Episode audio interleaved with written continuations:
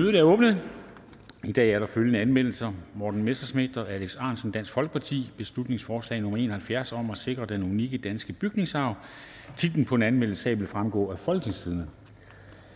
Det første punkt på dagsordenen er spørgsmålet om fremme af forspørgsel F 27: forspørgsel til justitsministeren om offentlighedsloven af Karine Lorenz Denhardt og Lisbeth Bæk (SF). Hvis ingen gør indsigelse mod fremme denne forspørgsel, betragter jeg Tingets samtykke som givet. Den er givet. Det eneste punkt på dagsordenen er forespørgsel nummer F 10: Forespørgsel til sundhedsministeren om at øge blodsikkerheden ved brug af patogenreduktion. Af Liselott Blix (Dansk Folkeparti). Jeg gør opmærksom på, at afstemning om eventuelle forslag til vedtagelse udsættes til tirsdag den 25. januar. Og først skal vi have en begrundelse, og det er ordføreren for forespørgerne, fru Liselott Blixt, Dansk Folkeparti. Mange tak. Måske det eneste punkt, men et meget vigtigt punkt, når vi tænker på beredskab i Danmark. Specielt nu, når vi er i en coronasituation og har været det i et par år, så ved vi, hvad det betyder at have og ikke at have et beredskab. Og jeg ved godt, at patogenreduktion, som vi skal tale om, og det vil jeg gerne sige, at patogen betyder sygdomsfremkaldende reduktion. Det er nok ikke lige det, man taler om som samtaleemne ved spisebordet derude i familierne. Men jeg synes faktisk, man burde gøre det. Fordi patogenreduktion det er nemlig en måde at behandle donorblod på, så man uskadeliggør en række bakterier og virer, altså også dem, vi ikke kender til. Og det har vi jo lige prøvet, hvordan det er at få en, en, en virus ind, som man ikke kendte. I dag tester man donorblod. Men det gør man kun over nogle bestemte bakterier og virer. Og nogle af de bakterietest, man laver, de har en sensitivitet på kun 50 procent. Der er altså en mulighed for, at man behandler donorblod med stråling, hvis det skal gives til patienter med et svagt immunforsvar. Men som jeg har forstået det, så kan patogenreduktion erstatte mange af de her test og strålinger, som der foretages i dag, plus det faktisk reducerer for mange andre ukendte sygdomme. Mange vil jo nok huske blødersagen fra 80'erne i Danmark. Dengang blev 91 mennesker med en blødersygdom smittet med HIV gennem deres medicin, fordi medicinen var produceret med donorblod, som viste sig i nogle tilfælde at stamme fra HIV-smittede personer. Det var en tragisk sag, som man førte til, at vi i dag gør langt mere for at screene. Men siden er der jo bare ikke sket mere. Vi kan samtidig se, at der er lande rundt om os, mange af dem, vi sammenligner os med, de indfører faktisk eller har indført patogenreduktion. Det er Sverige, Norge, Island, Tyskland, Frankrig, Schweiz og en masse andre EU-lande. Hvorfor er vi så tilbageholdende i Danmark med det mindste at undersøge, om vi ikke vi kan højne vores blodsikkerhed i Danmark? Altså, jeg kan jo godt forstå, at man tænker, jamen, har vi overhovedet et problem i Danmark? Jeg har da ikke hørt om nogen patienter, der er blevet syge af det blod, de har modtaget for nylig. Nej, problemet er jo nok også, at mange af dem, der modtager blod, er syge i forvejen, så det er ikke altid, man kender dødsårsagen. Vi ved, at der har været fire alvorlige hændelser, det ved vi gennem Styrelsen for Patientsikkerhed, på grund af deres blodtransfusion. Men det er dem, vi kender til. Jeg er sikker på, at der er et mørketal her også i forhold til det her. I Schweiz der har man ikke rapporteret et eneste tilfælde, siden man begyndte at bruge patogenreduktion i 2011. Til sammenligning var der i Schweiz fra 2005 til 2011 hele 16 tilfælde af komplikationer, hvoraf de tre tilfælde førte til dødsfald. Så det her, mener jeg, er noget, vi bliver nødt til at se i vores fremtid for at have et beredskab. Og det er grunden til, at jeg stiller den her forespørgsel, for jeg synes, det er vigtigt. Vi har kvidet os nok med ikke at have et beredskab, da coronaen kom. Skal vi nu også kvide os med, efter pludselig kommer en anden bakterie, virus, der sætter sig i blodet, så er vi ikke klar her ellers. Så det er min forespørgsel. Jeg glæder mig til at høre, hvad ministeren har at sige. Tak for det. Det var begrundelsen, og vi får netop nu så besvarelsen. Tak for det, Liselotte. Sundhedsministeren. Tak for det. Tak for det. Og tak til øh, fru Liselott Blixt for at begrunde, øh, og tak for indkaldet til, til den her øh, forspørgselsdebat om et, øh, et vigtigt, et kompliceret et meget sundhedsfagligt øh, tungt øh, emne om, ja, grundlæggende er det jo om blodsikkerheden øh, i Danmark og brugen af øh, patogenreduktion. Øhm, og lad os lige prøve sådan at komme op i helikopteren først her. Øh, øh, og hvis man spørger de myndigheder, som har ansvaret, og det er jo Styrelsen for Patienternes Sikkerhed, Styrelsen for Patientsikkerhed, øh, deres vurdering, det er, en, det er en klar vurdering, de har. Deres vurdering er, at det er sikkert at modtage blod øh, i Danmark. Øhm, og vi har jo i Danmark flere rutinemæssige tiltag. Det er sådan en rutinemæssige tiltag. Det er jo for at sikre, at risikoen for at smitte øh, overføres via blodtransfusion er meget lav. Øh, og øh, der kan jeg nævne nogle af dem her. Altså alle bloddonorer bliver jo før hver tapning vurderet af en sundhedsperson på baggrund af donorens risiko, adfærd, sygdomshistorie og rejseaktiviteter. Og derefter så bliver blodet testet for forskellige transfusionsoverførbare sygdomme, som eksempel HIV, hepatitis B og C, før blodet øh, overføres til en patient, der har brug for det. Og den her rutinemæssige test af blodet betyder jo, at der, der ses en næsten ikke eksisterende overførsel af bakterier eller virus med blodtransfusion i Danmark. Og DF øh, øh, forespørger her i, eller efterspørger her i forespørgselen konkret, øh, at øh, vi indfører øh, brug af patogenreduktion, eller nu hørte jeg også begrundelsen måske i hvert fald undersøger, og man kan gøre det, øh, sådan bliver det måske lidt også øh, præsenteret her. Og man kan sige, hvis man ser på, øh, på det redskab, så er formålet jo øh, med at anvende patogenreduktion, at metoden kan reducere antallet af bakterier, parasitter og virus i blodplader og plasma til blodtransfusion. Øhm, så må vi jo sige, at det er et reelt øh, problem i praksis i Danmark, altså bakterier, parasitter og virus i blodplader og i plasma til blodtransfusion. Øhm, der må man sige, at danske data viser, at der, altså, det ikke er et problem. Der sker en meget lav overførsel af smitte via blodtransfusion i Danmark. Øh, så kan man sige, hvad med, hvorfor ikke for en sikkerheds skyld bare så indføre det? Øh, og, og, øh, og der skal man også være klar over, at patogenreduktion, det har altså samtidig en række uhensigtsmæssigheder, som vi er nødt til at opveje. Altså, hvis vi skal tage redskab, redskab i brug, så skal vi også opveje selvfølgelig de fordele, der kunne være, men også de ulemper, der så vil være, og så om man rent faktisk så får en bedre situation i lyset af det problem, man forsøger at løse. Og Øh, ulemperne, jamen øh, patogenreduktion øh, øh, reducerer virkningen af det terapeutiske indhold i blodet. Det kan medføre en øget risiko for immunreaktion hos patienterne. Øh, og derudover vil en indførelse af metoden medføre øgede omkostninger til fremstillingen og et større tab af blodprodukter. Det skyldes, at fremstilling af patogenreducerede blodprodukter vil kræve, der skal være ekstra udstyr, kemikalier, der skal selvfølgelig også være personale i blodcentrene, og fremstillingen af de her blodprodukter vil tage længere tid end den nuværende fremstillingsmetode, som vi bruger øh, i Danmark.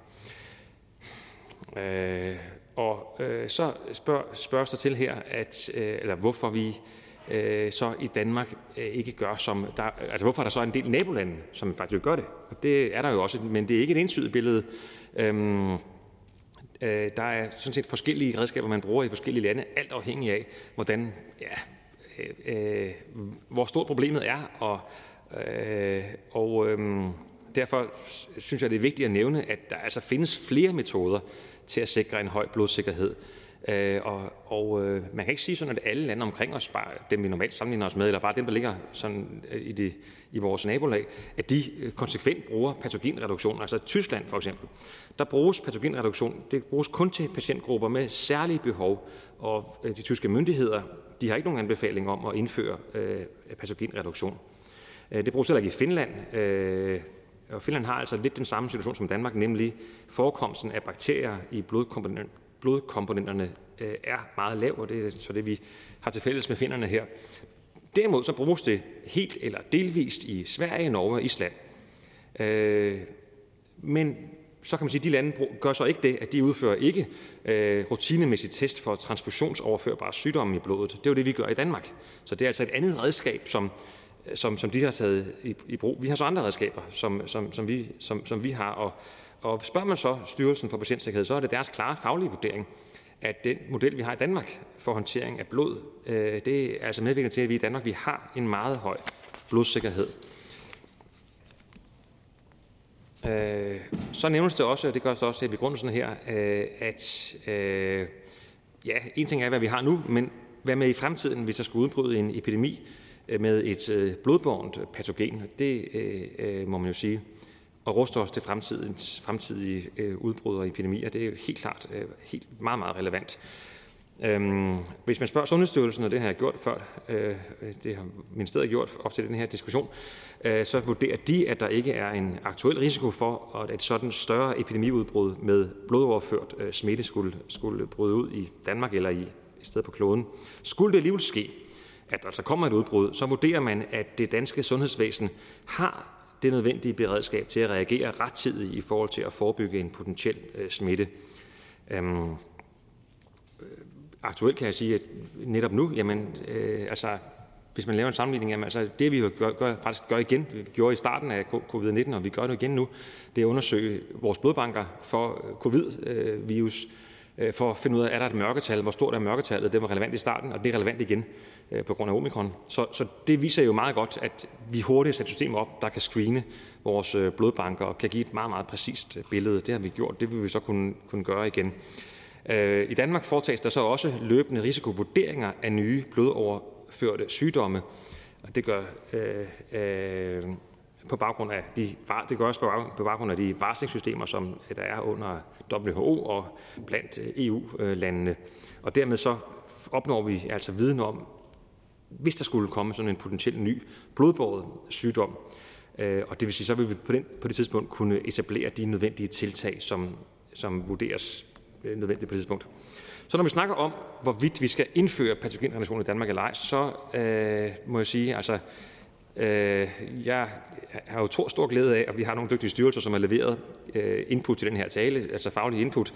Og jeg, jeg synes også, at vi som altså, politikere, vi må have et politisk mål om, at det, vi skal have sikker, og, det, og vi skal sikre, at der er et, vi skal sørge for, at der er et, et sikkert system omkring os, også når det handler om det her vigtige emne, men også at vi baserer vores beslutninger på de faglige eksperter, som jo bruger hele deres liv på at forske i og, øh, og arbejde med, med de her øh, emner. Så, så min anbefaling er, at vi virkelig læner os op af de faglige vurderinger, der findes, så vi altså har et solidt øh, fagligt øh, grundlag. Og til at hjælpe os med det, så har Styrelsen for Patientsikkerhed nedsat et transfusionsmedicinsk råd, og deres opgave er blandt andet at rådgive styrelsen i spørgsmål vedrørende blod og blodprodukter. Og det transfusionsmedicinske råd vurderede øh, så kort tid tilbage som, som i 2020, at de altså ikke øh, kunne anbefale at indføre patogenreduktion i Danmark. Og de opvejede jo fordelene op mod ulemperne og, og havde altså den her øh, konklusion. Vurderingen byggede på en faglig vurdering fra en ekspertgruppe, som skulle undersøge nyere kliniske studier på området for patogenreduktion. Og ekspertgruppens øh, faglige notat øh, var, øh, konklusion i det var, at der var, var ikke kommet ny evidens eller produkter på markedet, som medførte, at patogenreduktion kunne anbefales indført i Danmark. Så kan man jo så øh, sige, jamen, hvad har vi erfaringer i Danmark? Øh, vi kan kigge på andre lande, men der er faktisk også erfaringer fra region Nordjylland, hvor man i en treårig periode har afprøvet patogenreduktion. Øh, og, og der har de altså i Nordjylland faktisk opgivet det igen efter den, den her treårige periode. Og deres vurdering var, at udbyttet øh, var alt for beskedent i forhold til øh, de, de øh, ulemper, som er forbundet, omkostninger og ulemper, der er forbundet, øh, forbundet med det. Så Øh, med de ord så vil jeg gentage, at altså det er Styrelsen for Patientsikkerheds klare vurdering, at den danske blodsikkerhed allerede er meget høj. De faglige vurderinger fra ekspertgrupper, øh, ekspertgruppen, peger faktisk enstemmigt på, at patogenreduktion ikke skal anbefales indført i Danmark, og jeg synes, det vil være klogt, at vi øh, lytter til de faglige vurderinger, og derfor så øh, tak for forespørgselen her, men regeringen vil ikke kunne støtte et ønske om at indføre patogenreduktion i Danmark. Tak. Tak til ministeren. Der er nu mulighed for en kort spørgsmål fra, øh, eller bemærkning fra hver af øh, ordførerne. Først er det fru Liselotte Blikst, Dansk Folkeparti. Jo, mange tak, og tak for ministerens svar. Ministeren siger også, at man, øh, der, man kan ikke se noget problem her nu, men man skal jo lige finde ud af, hvad er det beredskab er. Det er, at man er klar til noget, der kommer længere hen af, øh, af vejen. Ministeren siger, at i Nordjylland, der kunne man ikke se udbyttet Altså, det kunne vi måske heller ikke, dengang vi havde et, øh, et hav af værnemidler, og vi havde en masse plastikfad og øh, de her, dem, som man skulle bruge til at lave test i. Men da coronaen kom, fandt vi ud af, at det var sørme ærgerligt, at vi ikke havde det beredskab. Så vi taler om at have et beredskab. Så kan man jo så håbe på, at man ikke får brug for det potentiale, som det faktisk har, men at man faktisk har det, hvis der kommer en smitteborgen, øh, blod, blodsmitteborgen øh, øh, virus ind i landet. Øh, og når ministeren nævner øh, Nordjylland, så var man jo glad for, øh, og det var positivt, det de havde omkring. Men ja, udbytte var der ikke, men de var i hvert fald beredt til at kunne finde, hvis der var en, en smitteborgen virus. Og det vil jeg høre med ministeren, om ikke det forholder sig på den måde. Minister, værsgo. Jo, men, men øh, det er jo helt sikkert, at vi skal hele tiden lære. Nu har vi den her ekspertgruppe, de, de kommer altså med deres konklusioner i 2020 på baggrund af den viden, man så havde der. Og, øh, Øh, og vi får hele tiden ny viden. Det viser den aktuelle situation, som Liselotte Blikst henviser til. Gør vi selvfølgelig, så lad os da tage den ind øh, og, øh, og, og vi kan jo også bede dem om at vurdere, er der nogle nye ting, man, man skal eventuelt sætte op som et beredskab. Øh, vil man kunne gøre det? Det vil jeg da også være med på. Man skal være opmærksom på, at patogenreduktion jo kun kan udføres på, altså på plasma og blodplader, men ikke på de her røde blodlegemer, som jo udgør størstedelen af transfusionsbehovet i Danmark. Så, så derfor så vil det alligevel ikke være noget, som vil kunne... Øh, altså det, vil, det, det har altså nogle begrænsninger, øh, men, men øh, hvis det er en, et fagligt øh, en faglig konklusion, at der vil være noget, der vil være en gevinst at sætte op, eventuelt ikke tage i brug for nu, men, men, men være sikker på, at man kan indføre det, skulle der være behov for det, jamen så vil jeg meget gerne øh, gå ind i den dialog og se, om, om vi kan sætte noget op. Øh, men, men det kræver altså, synes jeg, at vi har en faglig vurdering af det og en faglig indstilling omkring det. Hr. Martin Gersen, Venstre. Øhm, jeg synes, at øh, nej, jeg, bare lige for at tage det sidste der, så forstår jeg ikke øh, regeringspartiernes øh, øh, øh, vedtagelsestekst, som hælder det her fuldstændig ned ad brættet, og siger, at det behøver vi ikke kigge på.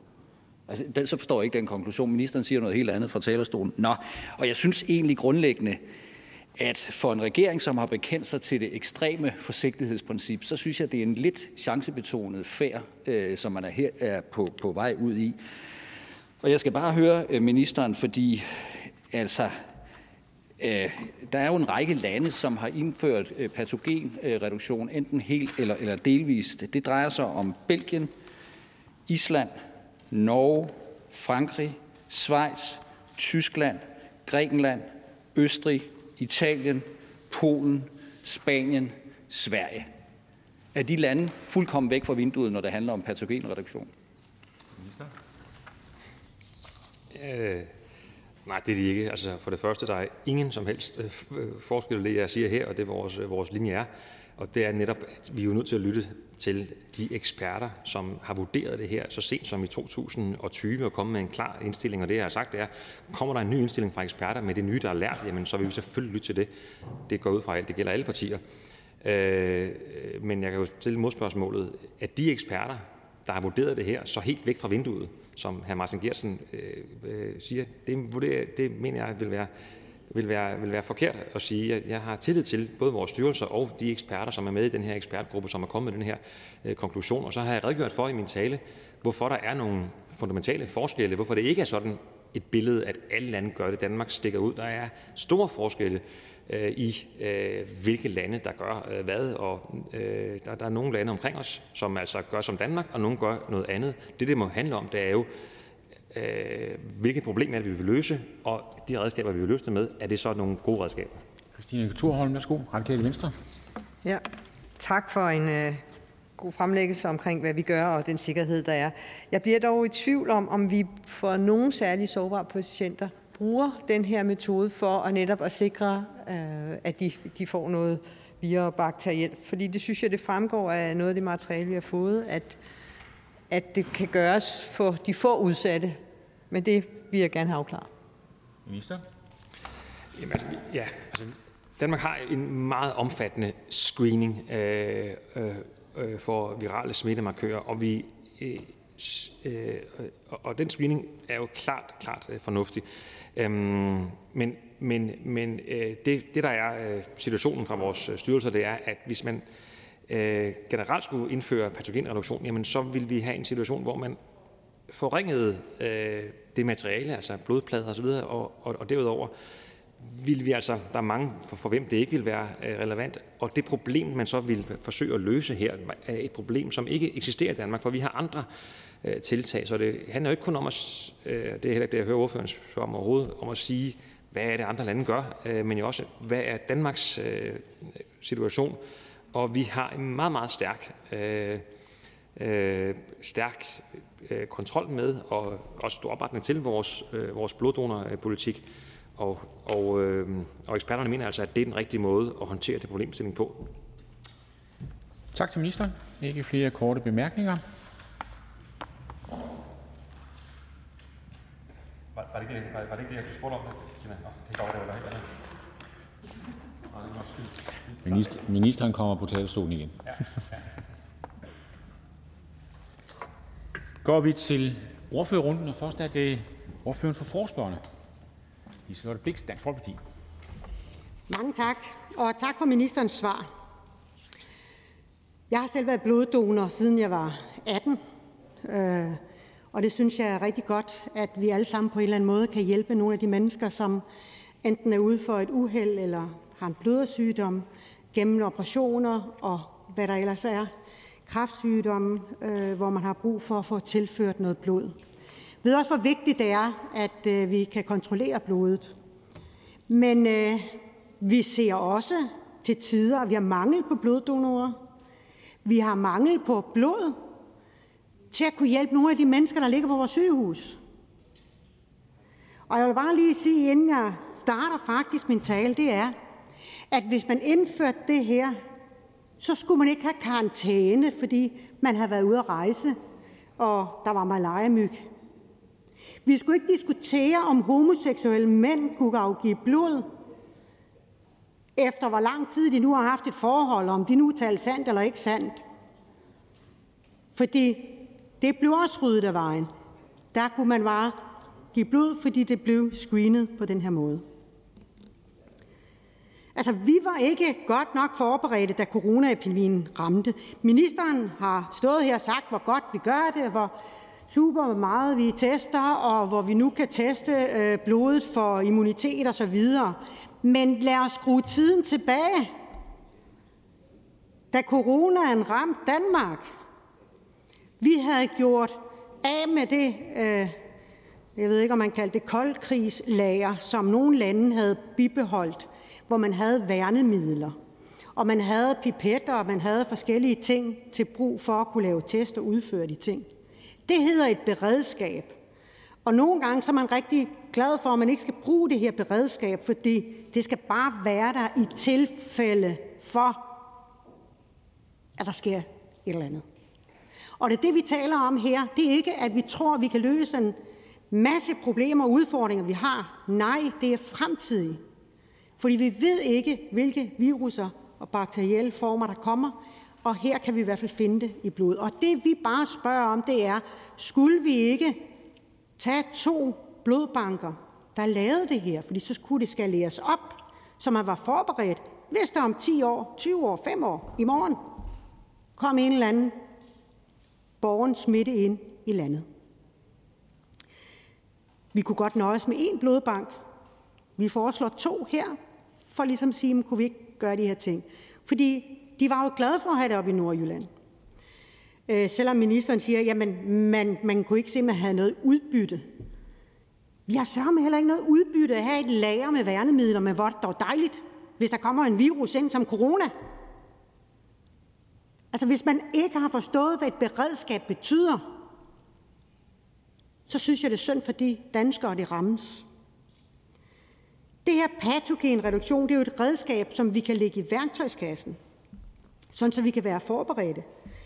Altså hvis vi for eksempel implementerer det på de her to steder i landet, som vi foreslår, så øh, kan man behandle 60% af blodpladerne fra blod, donorblod.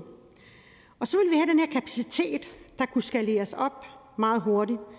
Det vil koste cirka halvanden million. Altså det er jo småpenge i forhold til, hvad det koster at behandle mennesker i sundhedsvæsenet, og specielt, altså hvad bruger vi på test i øjeblikket? Eller hvad har vi brugt på coronaen? Og hvad, hvor mange døde, fordi vi ikke havde altså bare sådan noget som mundbind ude i hjemmeplejen. De ældre mennesker, der døde, fordi de blev smittet. Altså her der kunne vi for halvanden millioner om året sige, nu har vi et beredskab, som kan skaleres op eller ned. Hvis vi nu nøjes med et sted, så bliver det lidt billigere. Øh, det vil kunne øge blodsikkerheden. Jeg vil jo her opfordre ministeren til, at man måske sætter lidt gang i arbejdet. Jeg ved godt, det her det er jo nørdet, når man lige sætter sig ind i det, og vi er lægefolk. Jeg skulle også sætte mig ind i det mange, mange steder og tale med eksperter. Tale, øh, se på, hvad man gør i andre lande for at blive klog på det. Fordi det er ikke noget sådan, som jeg startede med at sige, det er ikke noget, vi taler om over sofabordet. Men, men det betyder noget, og hvis man selv er bloddonor og ved, hvordan det er, at øh, man skal svare på alle de her spørgsmål om det ene eller andet, øh, så ved man også, hvad det betyder, og hver gang man får en karantæne. Så jeg synes også, det kunne tilføre det, at vi faktisk fik, fik nogle flere øh, til at donere blod. Når vi kigger på nogle af de sygdomme, som man øh, kan komme til livs, også på det her, som vi allerede kender, så er der malaria, der er vestnilvirus, og tiden er gået, jeg kunne snart blive ved med at snakke. Men, hvad? Det er en dagsorden, en vedtagelse. Ja, ja værsgo. Og øh, vi har en vedtagelsestekst, som er støttet af Dansk Folkeparti og Venstre. Folketinget anerkender, at blodsikkerheden kan øges ved at indføre patogenreduktion som redskab til behandling af donorblod, at teknikken kan være med til at sikre et beredskab ved en fremtidig epidemi, hvor sygdommen blandt andet smitter via blodet, og at teknikken potentielt kan få indflydelse på donorkarantænereglerne. Folketinget pålægger regeringen at undersøge muligheden for at indføre patogenreduktion for en andel af donorblodet i to udvalgte blodbanker og derved sikre de nødvendige erfaringer med teknikken til at kunne skalere indsatsen op i tilfælde af en blodborgen epidemi. Og det synes jeg jo alle. Tak for det. Og det vil nu indgå i den... Var det den der? Ja. Den skal være. Videre debat. Og vi siger tak til fru Liselotte Blix. Der var ikke nogen korte bemærkninger. Det er fredag. Så er det Camilla, fru Camilla Fabricius, Socialdemokratiet. Tak, herr formand.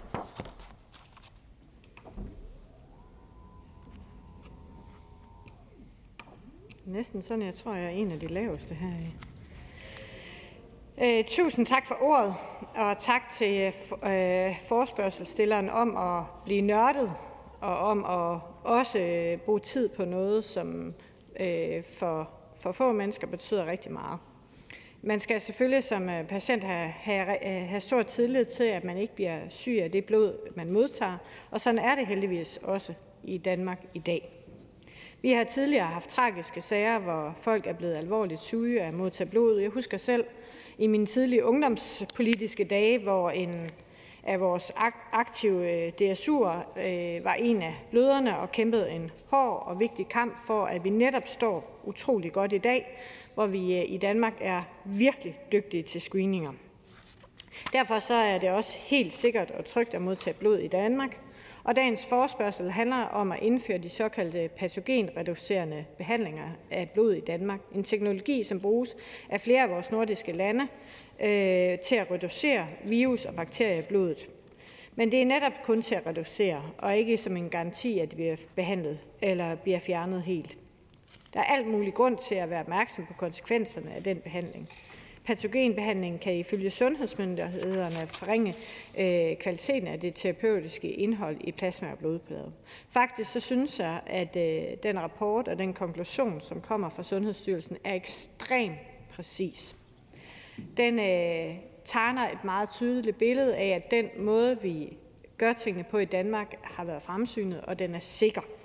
Og jeg kan ikke se nogen grund til, at vi øh, ikke skal læne os op af fagligheden jeg synes faktisk, at det er meget præcist, og netop kombinationen af de to forhold i Danmark, at vi et har i forvejen en høj sikkerhed, og to, at der er nogle ret markante øh, ulemper ved behandlingen, ikke øh, gør, at vi ikke kan støtte øh, forslaget. Jeg vil gerne øh, læse en forspørg, øh, vedtagelsestekst op, øh, og skal jeg sige, hvem det er på vegne Ja, du siger på vegne af ja, de partier. Jeg øh, vil gerne på vegne af øh, Socialdemokratiet, SF, Enhedslisten, Radikale og Kristendemokraterne øh, læse følgende tekst op. Folketinget noterer sig Styrelsen for Patientsikkerheds faglige vurdering af, at forholdene ved at indføre patogen reduktion af blodkomponenter i Danmark ikke opvejer ulemperne. Blodsikkerheden i Danmark er allerede meget høj som følge af den grundige vurdering af donors egnethed og testning af blod for trans, transfusionsoverførbare sygdomme. Ligesom det er uhensigtsmæssigt, at patogenreduktion af blodkomponenter reducerer virkningen af det terapeutiske blod i indholdet. Folketinget konstaterer, at mange, af dansk, mange års dansk data for blodovervågning viser, at omfanget af overførsler af bakterier eller virer med blodkomponenter er så godt som ikke eksisterende, og at der er en meget lille risiko for at, at, at infektion i Danmark, og finder på den baggrund ikke grundlaget for at indføre patogenreduktion af blodkomponenter. Folketinget finder det positivt, at blodbanken kan, hurtigt kan screene for blodbårne sygdomme, som for eksempel det har været tilfældet under covid-19-pandemien, samtidig med at det vurderes at være tilfældet, hvis der opstår en pandemi, som med, har et blodbårne patogen. Denne tekst vil nu indgå også i den videre debat, og der er en kort bemærkning til fru Liselott Blix, Dansk Folkeparti. Mange tak. Og jeg ved jo godt, at det er et øh, svært emne, som man ikke altid lige er 100% inde i, og så lytter man til fagfolkene. Men, men derfor forstår jeg ikke, at man ikke kan være med til en tekst, hvor man vil undersøge mulighederne for at bruge det. Netop når vi kigger på beredskabet, men også det, at vi kan få andre grupper, der ikke skal i karantæne, der så kan blive bloddonorer. Og så siger man, at det er, øh, man bliver ved med at referere til, at det, er den, øh, det reducerer den terapeutiske virkning, som blodet har. Og det vil jeg i hvert fald øh, stille nogle flere spørgsmål øh, til. Fordi når man ser, at man i Aalborg brugte, der har man jo selv sagt, at, at de evaluerede det, og at det både var god omkostning, og at det var det lavede en god produktionsoptimering, fordi man kunne bruge det til det, hvor man ellers normalt bruger gammastråling og bakteriescreening. Så er det med ordførens ord, at, at sådan, at man overhovedet ikke vil se på det her mere, fordi nu er det bare sådan, og derfor gør vi det ikke. Ordfører? Men jeg synes egentlig, at øh, ministeren sagde det ret skarpt lige for lidt siden, at hvis, hvis der skulle opstå ny, ny forståelse af viden, så kan man jo rejse spørgsmålet igen. Jeg synes, at Sundhedsstyrelsens rapport fra 2010 øh, er skarp. Jeg, jeg er helt tryg ved, at øh, de myndigheder, vi sætter i spidsen til netop at give os den råd og vejledning, at, øh, at, at det faktisk er okay, at man som politiker læner sig op af det, særligt når det er nørdede ting, som kræver stor forståelse, stor viden og mennesker, der arbejder med det. Jeg synes også, at øh, ærligt og hånden på hjertet, at øh, det er vigtigt, at den kvalitet, vi også leverer i det blod, vi har, er væsentligt. Jeg synes, det er væsentligt, at, øh, at vi i Danmark har arbejdet hårdt på at lave screeningsmodeller. Og det synes, jeg, øh, det synes jeg er et godt sted at stå. Og jeg synes, det er en god rapport og en god konklusion. Skulle der dukke noget op, mm, så har ministeren sagt, så må man jo selvfølgelig, uanset hvad det er for et nørdet emne, vi læner os op af. Vi skriver 2022, og man refererer til en rapport fra 2010. Mange af de her lande, der har indført det, har indført det efter 2010, så man har ikke haft noget at sammenligne med.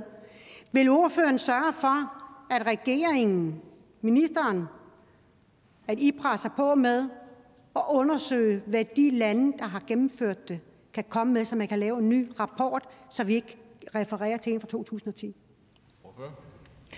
Altså, jeg har stor respekt for, for ordføreren, og jeg synes, at ordføreren øh, generelt er utrolig skarp og er på folkets side.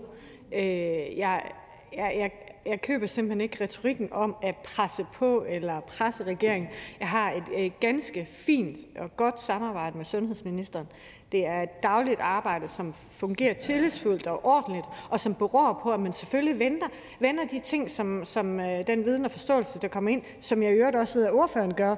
Så det tror jeg bare, jeg lader stå. Med denne ros, så siger vi tak til ordføreren. Der er ikke flere korte bemærkninger. Tak for det. Og så er det her Martin Geertsen, Venstre. Tak for det, og jeg er helt sikker på, at fru Liselott Blixt ikke kan stå for den øh, ros, hun der har fået. Og jeg vil fortsætte øh, med at takke Dansk Folkeparti for at have rejst den her øh, forspørgselsdebat, som jo jo dybest set i sin kerne også handler om, altså hvordan øh, håndterer vi fremtidens øh, epidemier. I dag har vi jo heldigvis i Danmark en meget blå, øh, høj blodsikkerhed, og det er jo sig selv positivt. Det er rigtig godt. Vi er rigtig gode til at sikre, at blodsikkerheden er i top mod de nuværende øh, kendte sygdomme. Vi kan jo ikke på den anden side jo ikke vide, hvilke sygdomme der vil ramme os i fremtiden. Da corona ramte os for en par års tid siden, så vidste vi jo ikke i starten, om den ville være blodborgen. Det var heldigvis ikke tilfældet, men havde den været det, så ville det jo have øh, krævet, at man lynhurtigt kunne udvikle en test, som øh, kunne identificere smitten. Og selv hvis det så skete lynhurtigt, ja, så ville det jo ikke kunne fjerne coronaen i det tilfælde, hvor den havde været blodborgen, men man ville højst have kunne identificere det. Og især i en periode som, som den, vi ser nu med udbredt samfundssmitte, så vil det jo altså være svært overhovedet at kunne tappe noget blod. Og det er jo her, at patogenreduktion kommer ind i billedet, altså en teknologi, som så at sige reducerer virus, bakterier og øh, parasitter i blodet. Det europæiske center for forebyggelse af og kontrol med sygdomme ECDC og WHO anbefaler, at patogenreduktion indgår som en del af beredskabet mod fremtidens epidemier, da det kan reducere så, øh, såvel kendte som ukendte bakterier og vira i blod. Og der er jo mange af de lande, jeg nævnte også før, som vi jo normalt sammenligner os med, som har valgt at bruge patogenreduktion i en eller anden grad. Det varierer fra, at det er en mindre øh, grad af det blod, der tappes for at have et beredskab klar, øh, og så til, at man patogenreducerer alt blod. Og vi har, som, som fru Liselotte Blikst også var inde på, jo har haft forsøg med patogenreduktion på Aalborg øh, Universitetshospital, og her brugte man patogen, patogenreduktion til behandling af blodplader i perioden 2012 til 2017. Og i deres egen øh, evaluering, der konkluderer det, at de sådan set opnåede rigtig gode resultater. Blandt andet konkluderede de, at brugen af patogenreduktion øgede blodsikkerheden, fordi teknologien gav en meget bredere beskyttelse mod bakterier og virer, og samtidig reducerede risikoen for blodforgiftning. Og derudover vurderede man, at der med tiden kan opnås både omkostnings- og produktionsoptimering. Et af de kritikpunkter ved patogenreduktion omhandler behandling af røde blodlemmer, da, der, øh, da de endnu ikke kan patogenreduceres. Der er dog, som jeg lytter mig til, nogle ganske lovende testresultater, som forhåbentlig kan gøre det muligt allerede for næste år. Og derudover så er der selvfølgelig også den del, der handler om økonomi. Et af de markedsledende firmaer, som producerer teknologien, vurderer, at hvis man ville implementere det med en strategisk implementering med 60 procent af det blod, som håndteres på bare to øh, hospitaler i Danmark, så vil man kunne gøre det for halvanden million om året. Det vil have nogle store fordele, da man nemt og hurtigt vil kunne opskalere, hvis behovet opstår. Og derudover vil man kunne behandle det blod, vi giver til de svageste patientgrupper, så de får så sikkert blod øh, som overhovedet muligt. Jeg har læst mig til, at man på Universitetshospitalet i Stockholm, hvor man har indført patogenreduktion over en fireårig periode, har sparet 21 procent sammenlignet med, før de begyndte at anvende den her teknologi. Så der er måske oven i købet en mulighed for, at patogenreduktion over tid også vil kunne tjene sig selv hjem.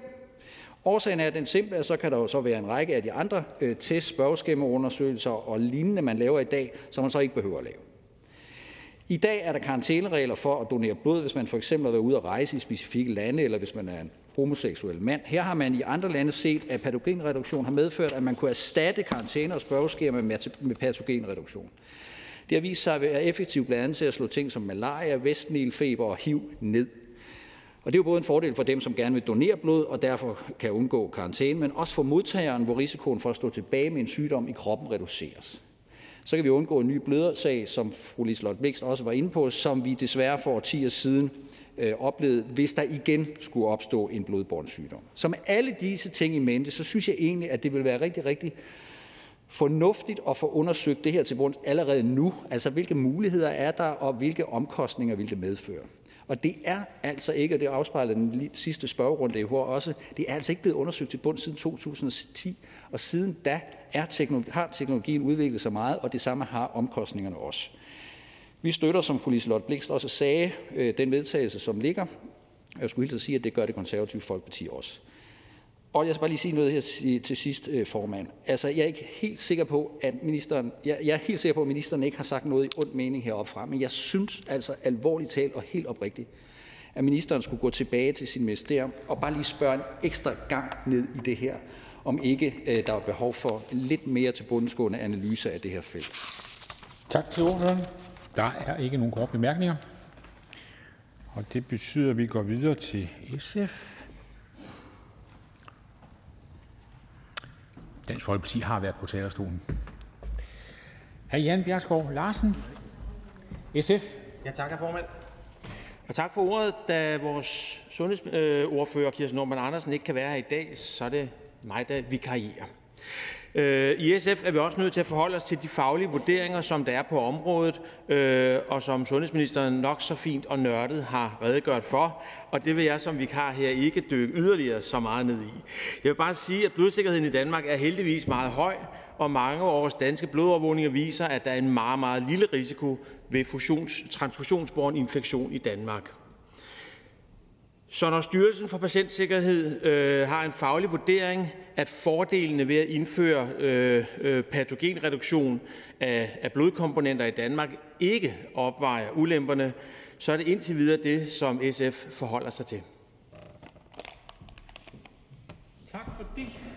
Der var ikke nogen kort bemærkninger, og det betyder, at vi kan gå videre til fru Christina Thorholm,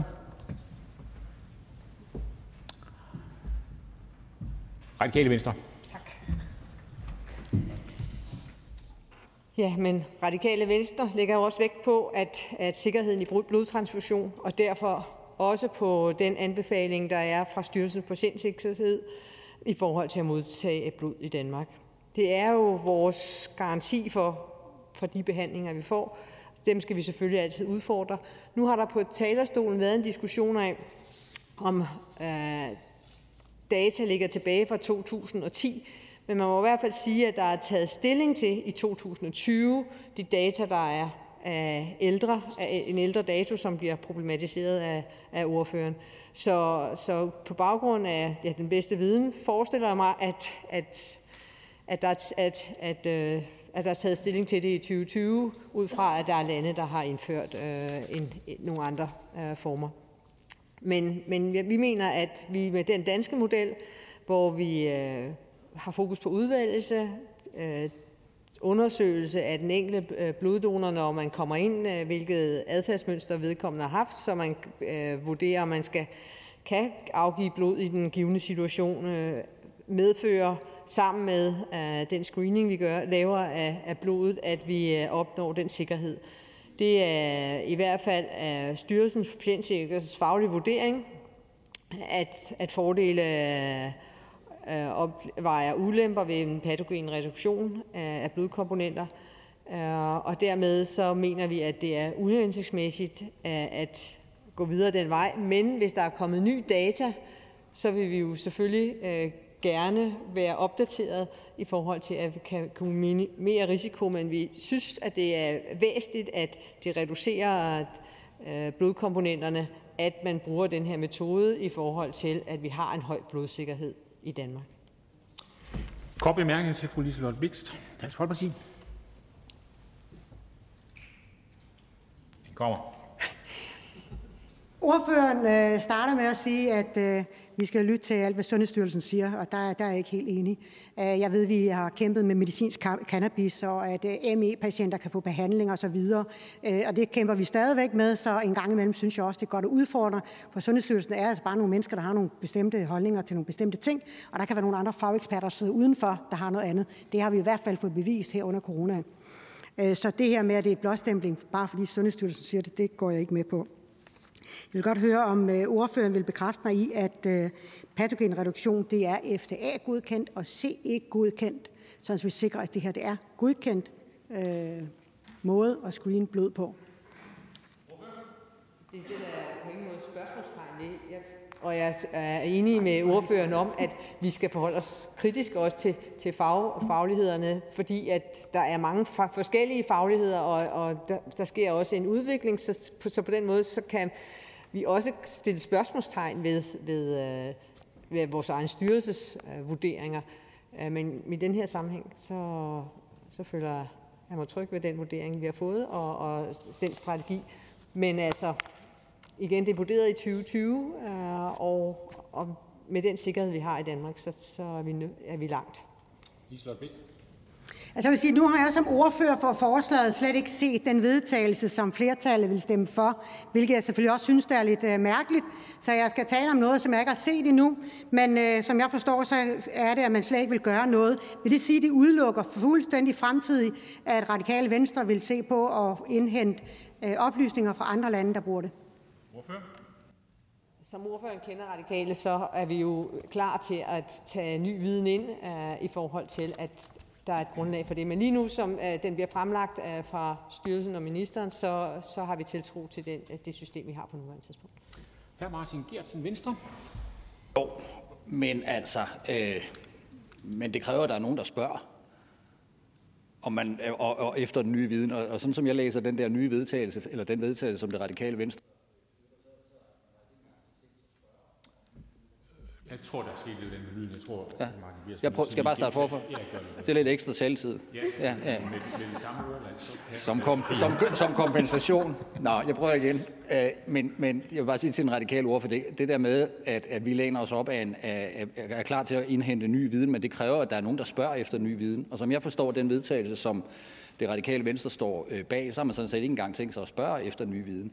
Altså er det ikke sådan, det radikale venstre, at, at man kunne finde på at stille øh, Sundhedsstyrelsen og der, igennem ministeren stille det spørgsmål, hvad, hvad er karaktererne af de analyser, man har lavet i 2020 egentlig? Ordfører? Ja, men øh, indtil vi har haft den her debat, så har jeg vurderet, at det grundlag, øh, der er blevet spurgt på, har været opdateret og, og med faglig belæg. Øh, jeg er klar til at stille det spørgsmål til ministeren, fordi jeg synes, at det er, det er rimeligt, og hvis, hvis den øh, tilslutningstekst, vi har skrevet, afgrænser det, så, altså, så kan jeg ikke se, at der er nogen øh, problemer i, at vi stiller det spørgsmål, fordi selvfølgelig skal vi være sikre på, at det er den nyeste viden. Det har jeg forstået, det var sådan, men øh, hvis der kan sås tvivl om det, så, så stiller vi gerne det spørgsmål til ministeren. Martin Geertsen? Ja, fordi et af de spørgsmål, jeg synes, der kunne være relevant at stille, i hvert fald så bare for at give sådan lidt public affairs rådgivning til Radikale Venstre, det vil jo være, hvad er det egentlig for nogle erfaringer, man har gjort sig i Belgien, Island, Norge, Frankrig, Schweiz, Tyskland, Grækenland, Østrig, Italien, Polen, Portugal, Spanien og Sverige. Jeg skal bare høre ordføreren, om ordføreren er fuldstændig stensikker på, at øh, de styrelser, der ligesom har siddet og arbejdet med det, har indhentet erfaringer fra de pågældende lande. Ordfører? Som øh, jeg startede med at sige, vi læner os op af, af de, øh, den faglige øh, vurdering, der er. Vi er ikke stensikre på, på det, fordi det kan vi jo ikke være. Det, det uh, indgår ikke så tydeligt i den afrapportering, der er, og, og på den måde kan man sige, det er jo det, spørgsmålet kan udfordre, om i hvilken grad, at der har været taget stilling til uh, effekten fra de andre lande. Ikke? Tak til ordføreren. Der er ikke flere korte bemærkninger.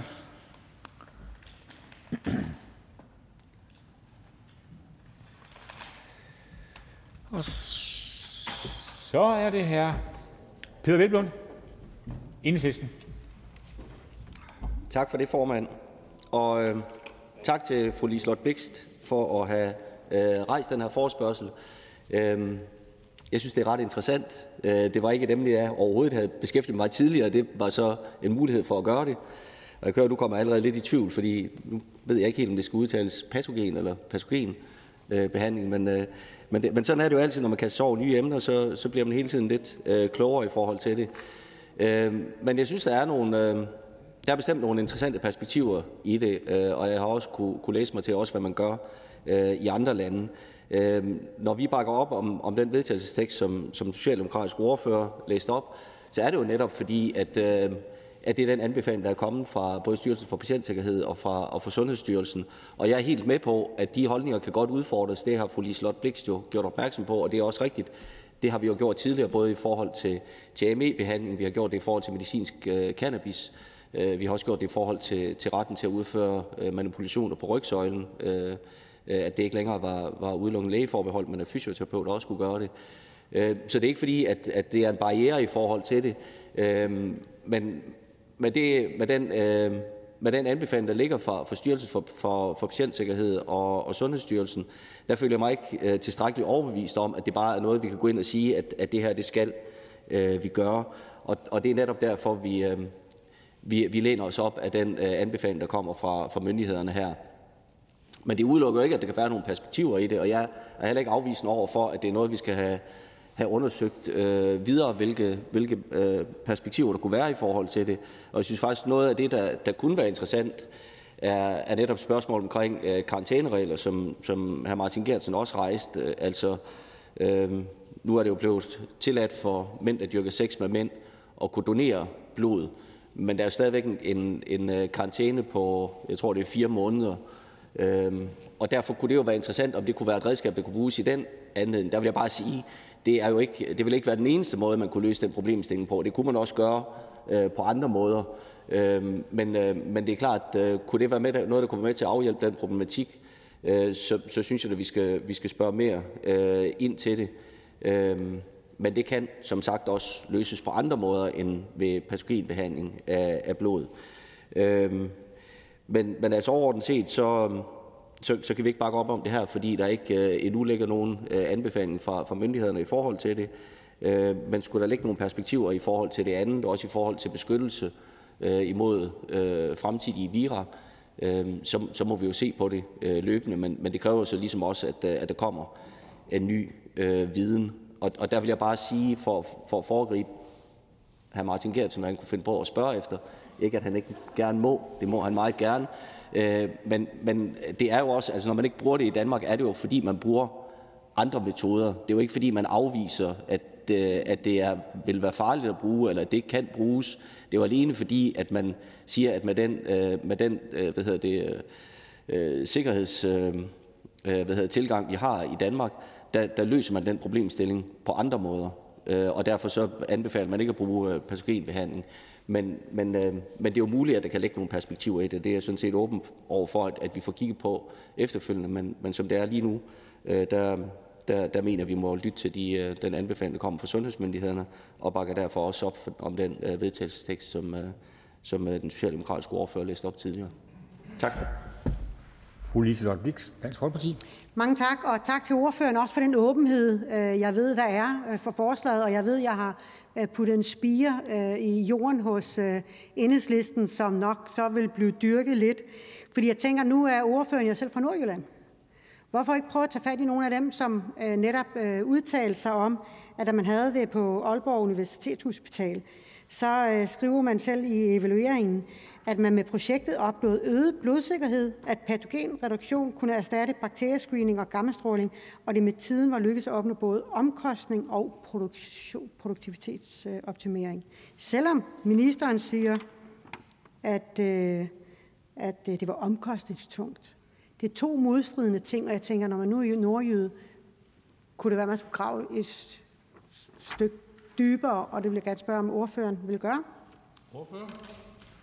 Altså, jeg vil altid gerne grave et spadestik dybere, uanset om erfaringen kom fra Nordjylland eller et hvilket som helst andet anden egen af Danmark. Men det er jo altid lidt interessant, når der ligger en, øh, en evaluering, som bliver brugt til begge argumentationer, altså både for, at man ikke skal indføre det, og for, at man skal indføre det.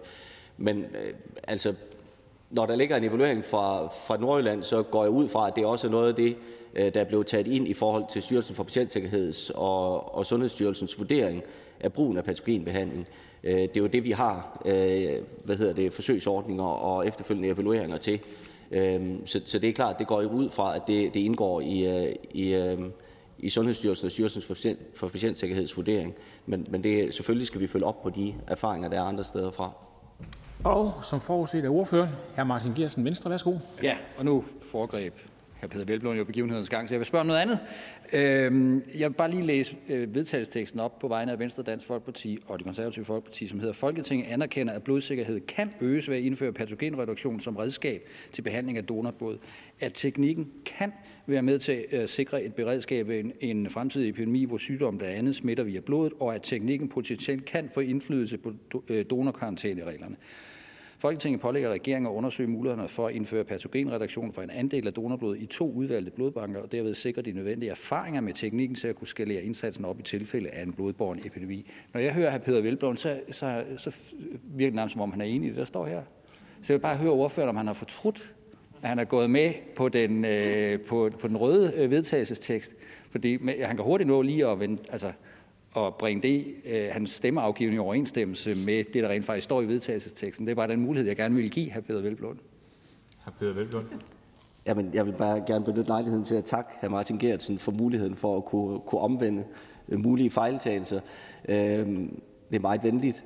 Øh, men jeg vil jo sige, at i det her tilfælde, der, der mener jeg ikke, det er en fejltagelse, fordi jeg vil ikke pålægge, øh, at vi begynder at gøre noget, så længe at øh, myndighederne ikke anbefaler det. Øh, Øh, og det er ikke fordi, at vi ikke ville kunne gøre det i et andet tilfælde, men jeg mener, her der, har, der føler jeg mig ikke på sikker grund nok til at kunne sige, at det, som Styrelsen for Patientsikkerhed og det, som Sundhedsstyrelsen siger og anbefaler, øh, at det kan jeg sige, at, at det skal vi ikke. Øh, men, men jeg er helt åben over for, at vi, vi, at vi kan udfordre styrelserne på det, og vi kan stille spørgsmål til det, og så er det jo muligt, at vi så senere kan nå frem til en anden konklusion. Her, Martin Gersen, Ja, undskyld, men det er bare fordi, der, jo, der, der var jo grund til at læse den der tekst op for hr. Peter Velblom, og det er, at der blandt andet står, at Folketinget pålægger regeringen at undersøge mulighederne for at indføre patogenreduktion osv. osv., osv. Hvad er det egentlig, der er så skræmmende i, at vi pålægger regeringen at undersøge noget?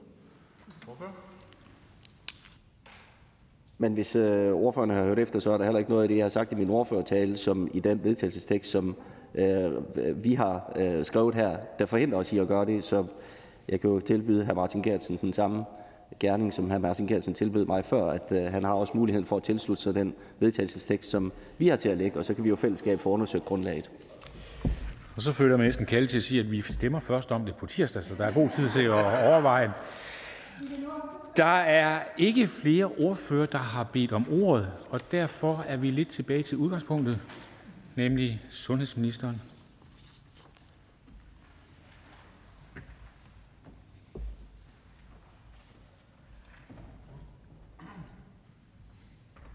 Værsgo, minister. Ja, mange tak for, mange tak for en, øh, en meget, meget interessant øh, debat, helt relevant øh, og vigtig øh, emne. Og det øh, har været en fornøjelse at deltage i den, og også at lytte til den. Øh, og øh, der er et par ting, som jeg har brug for at, i hvert fald at fremhæve her i min afslutning. Øh, for det første, at vi i Danmark foretager flere forskellige ting. Der sker, sker flere ting for at mindske øh, Øh, den risiko, som vi taler om, risikoen for overførsel af smitte via blod.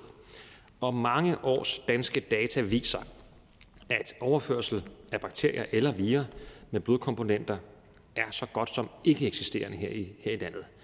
Øh, der er nogle ting, vi gør, som andre lande ikke gør, og når man, der har været nogle øh, ordfører, der har læst op en, del andre, en række andre lande, øh, hvor dem, der gør det, man har så ikke læst de lande op, der ikke gør det, men, men dem, der gør det, har altså ikke indført og ikke, har forskellige årsager ikke kan eller vil gøre brug af de elementer, som, som, øh, som Danmark så kan gøre. Øh, blandt andet foretager vi i Danmark en grundig udvælgelse af alle donorer øh, på baggrund af blandt andet sygdomsadfærd og rejseaktivitet. Dernæst udtages prøver fra blodet, der testes for transfusionsoverførbare sygdomme som HIV og hepatitis B og C.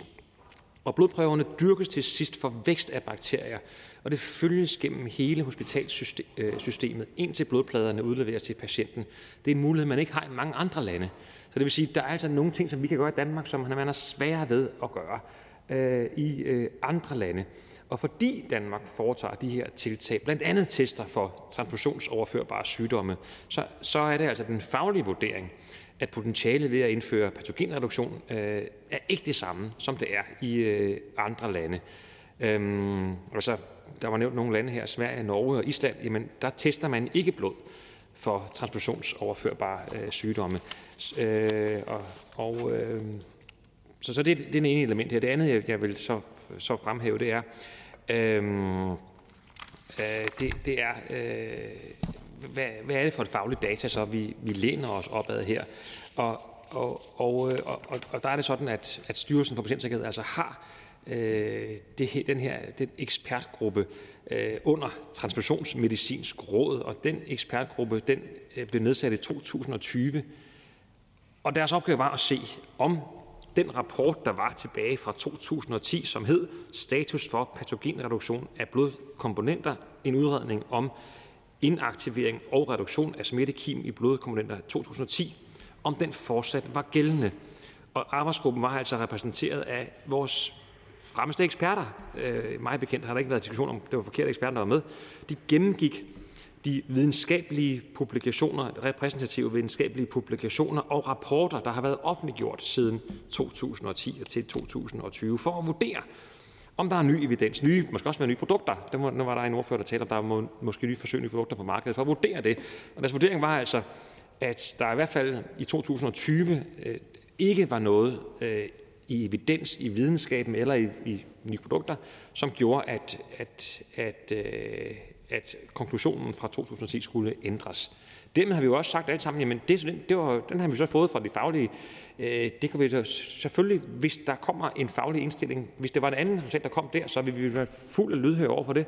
Og hvis de om fem år eller ti år eller i morgen skulle sige, jamen nu har vi altså en situation, et produkt eller en, en viden, som, som, som gør sig gældende, jamen så vil vi selvfølgelig være lydhøre over for det. Det er klart. Øh, men jeg tror, det er vigtigt, at vi øh, som politikere siger til vores styrelser, øh, vi skal sikre, at vi har så godt et setup som overhovedet muligt, så sikkert som overhovedet muligt, øh, og, øh, og bruger de redskaber, der er nødvendige for, at, at vi har det.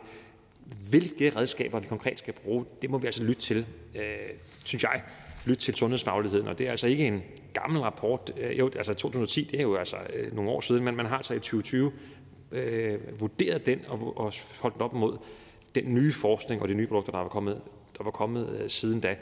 Øh, herudover så har der også været fremhævet øh, de forskellige råd, der er fra WHO og andre internationale organisationer. Og, og der er det jo sådan, at deres råd er nødt til at gå på tværs af de sundhedssystemer, som de jo rådgiver. Nogle sundhedssystemer, som jeg var inde på, har meget, meget sværere ved at have de kontroller og de test osv., som vi, end vi har i Danmark. Og derfor er det jo sådan, øh, er det altid sådan, at man skal oversætte de generelle råd til en national kontekst, og det er så også det, som vores øh, styrelser øh, gør. Øhm, øh, så øh, dermed synes jeg, det er en fremragende debat, og, og øh, øh, jeg ser frem til, at, at vi fortsætter med at arbejde videre med det, men min anbefaling er altså, at vi øh, ikke øh, går ind og pålægger nogen øh, styrelser noget, eller laver et signal om, at nu skal man lige begynde at indføre det her. Jeg tror, det, det, det er centralt, at, at at øh, vurderingerne øh, de, de skal basere sig på det faglige øh, grundlag, og det, det er det, vi står nu, og det synes jeg, vi skal fortsætte med. Tak. Kort bemærkning til fru Liselotte Blix, Dansk Folkeparti. Ja, mange tak. Og jeg er også rigtig glad for, at øh, jeg håber, der, der er flere, der synes, det her det er interessant. Fordi det her handler jo ikke bare om, hvordan vi gør i dag. Det handler jo om fremtiden. Det er et beredskab, vi skal kigge på. Øh, og det håber jeg, jeg har gjort ministeren interesseret i, måske også at vende tilbage til det udvalg. For jeg kunne godt tænke mig at vide, hvad spørgsmål arbejder I ud fra? Arbejder I ud fra nogle spørgsmål om, hvordan det fungerer i dag? Eller hvordan vi kan sikre, at vi har et beredskab i fremtiden? Og så undrer det mig, altså vi har haft fire alvorlige hændelser i 2020, som vi kender til. Det er noget af det, man siger, at det er ikke noget, det betyder ikke noget. Og så nævner man nogle sygdomsgrupper, som vi screener for, men det er jo lige præcis det, det er, at der lige pludselig er en, vi ikke screener for. Ligesom HIV var. Altså, vil ministeren tage det med og sådan ligesom prøve at tænke over det sådan, før nattetid, sådan tænkte, hvad kan jeg gøre for at se, jamen har vi det beredskab, der skal til, sådan så den der, der kommer ind, så kan jeg sige, jeg som minister fik sat det her i gang faktisk. Minister? Øh, ja, altså, jeg, jeg vil helt sikkert tænke videre over det sammen med gode kolleger, og jeg er sikker på, at ordføreren også vil. Øhm, men jeg tror ikke, vi skal gøre det for, at vi vil sige, jeg som minister eller jeg som ordfører. Jeg tror, vi må sige, vi, øh, vi skal virkelig gøre os umage med at, at lytte til vores øh, styrelser, når det handler om så stor en, en faglighed. Øh, og, og, og det er jo meget, meget faglige vurderinger, og øh, det kan vel godt altså umiddelbart sige, men hvis det er en ekstra sikkerhed, hvorfor så ikke gøre det? Men der har vi jo haft debatten i dag, hvor vi har dykket ned i de øh, vurderinger, der er, og siger, men der er faktisk nogle, øh, der, er, der, er nogle øh, der, der er ikke kun øh, fordele ved at indføre det her, der vil også være nogle ulemper, som vi har kommet, øh, som, hvor vi står stærkere i Danmark ved ikke at gøre det. Hvis den faglige vurdering ændrer sig, og det kan være i Danmark, det kan også være i EU, jeg kan da sige, at Styrelsen for Patientsikkerhed deltager jo også i EU-kommissionsmøder om blodvirksomhed, så det er en, der foregår hele tiden drøftelser her. Øh, men, men den faglighed må vi altså læne os hvad. Liselott Blix. Jeg kan godt tænke mig at spørge, hvad er det for spørgsmål, det her udvalg arbejder ud fra, som var spørgsmålet til de svar, de har givet? Ordfører. Men minister, undskyld.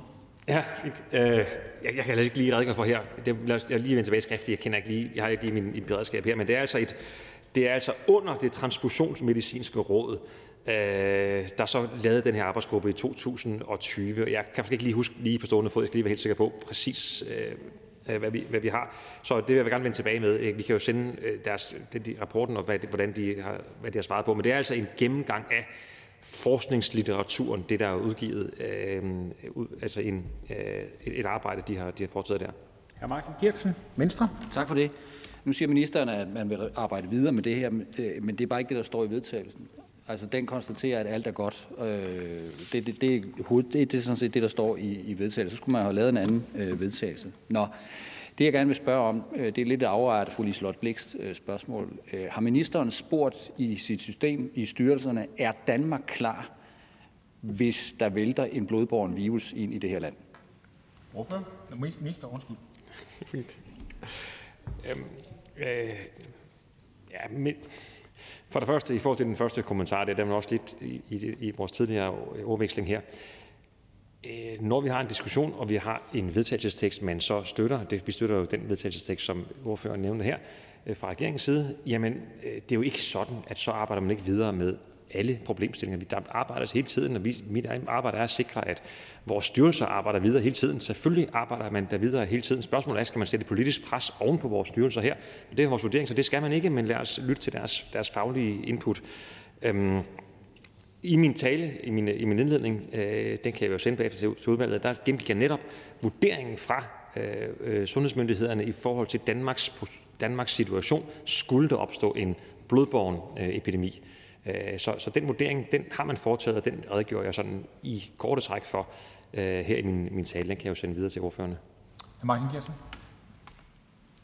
Ja, lige til det der med, at man ikke skal lægge pres på styrelserne. Altså, hvad er de så til for, hvis man ikke ligesom kan rådføre sig med dem rent politisk? Altså, så ved jeg ikke, hvad de der styrelser er til for. Det er jo ikke sådan noget, der bare lever et selvstændigt liv, vel? Altså, man må da gerne spørge styrelserne, og det er jo derfor, det undrer mig lidt, at ministeren ikke kan være lidt mere klar i spyttet i forhold til, om ministeren har spurgt styrelserne, er vi klar til en blodborgen virus i det her land? Er vores blodberedskab klar til en blodborgen øh, virus i det her øh, land? Og hvad er ministerens kommentar til, at ECDC og WHO anbefaler, at øh, patogenreduktion indgår som del af blodberedskabet? Minister, værsgo. Øhm, jo, øh, når WHO og ECDC kommer med nogle overordnede betragtninger, så er det, som jeg var inde på tidligere, altid øh, ud fra en, en øh, ud fra en kontekst, som, er, som skal oversættes til de nationale øh, Øh, forhold. Og der er jo kæmpe forskel, også i Europa, på vores sundhedsvæsener, hvad vi har af mulighed, hvad vi har af data, hvad vi har af test setup osv. Og det er altså vores myndigheders opgave at sikre, at man oversætter det øh, bedst muligt. Tak til ministeren. Der er ikke flere korte bemærkninger. Og der er ikke flere, der har bedt om ordet, er forhandlingen sluttet. Og som nævnt, så vil afstemningen om det fremsatte forslag til vedtagelse finde sted på tirsdag den 25. januar. Der er ikke mere at foretage i dette møde. Folketingets næste møde afholdes tirsdag den 25. januar kl. 13. Jeg henviser til den dagsorden, der fremgår af Folketingets hjemmeside, og henviser øvrigt til ugeplanen. Mødet er hævet.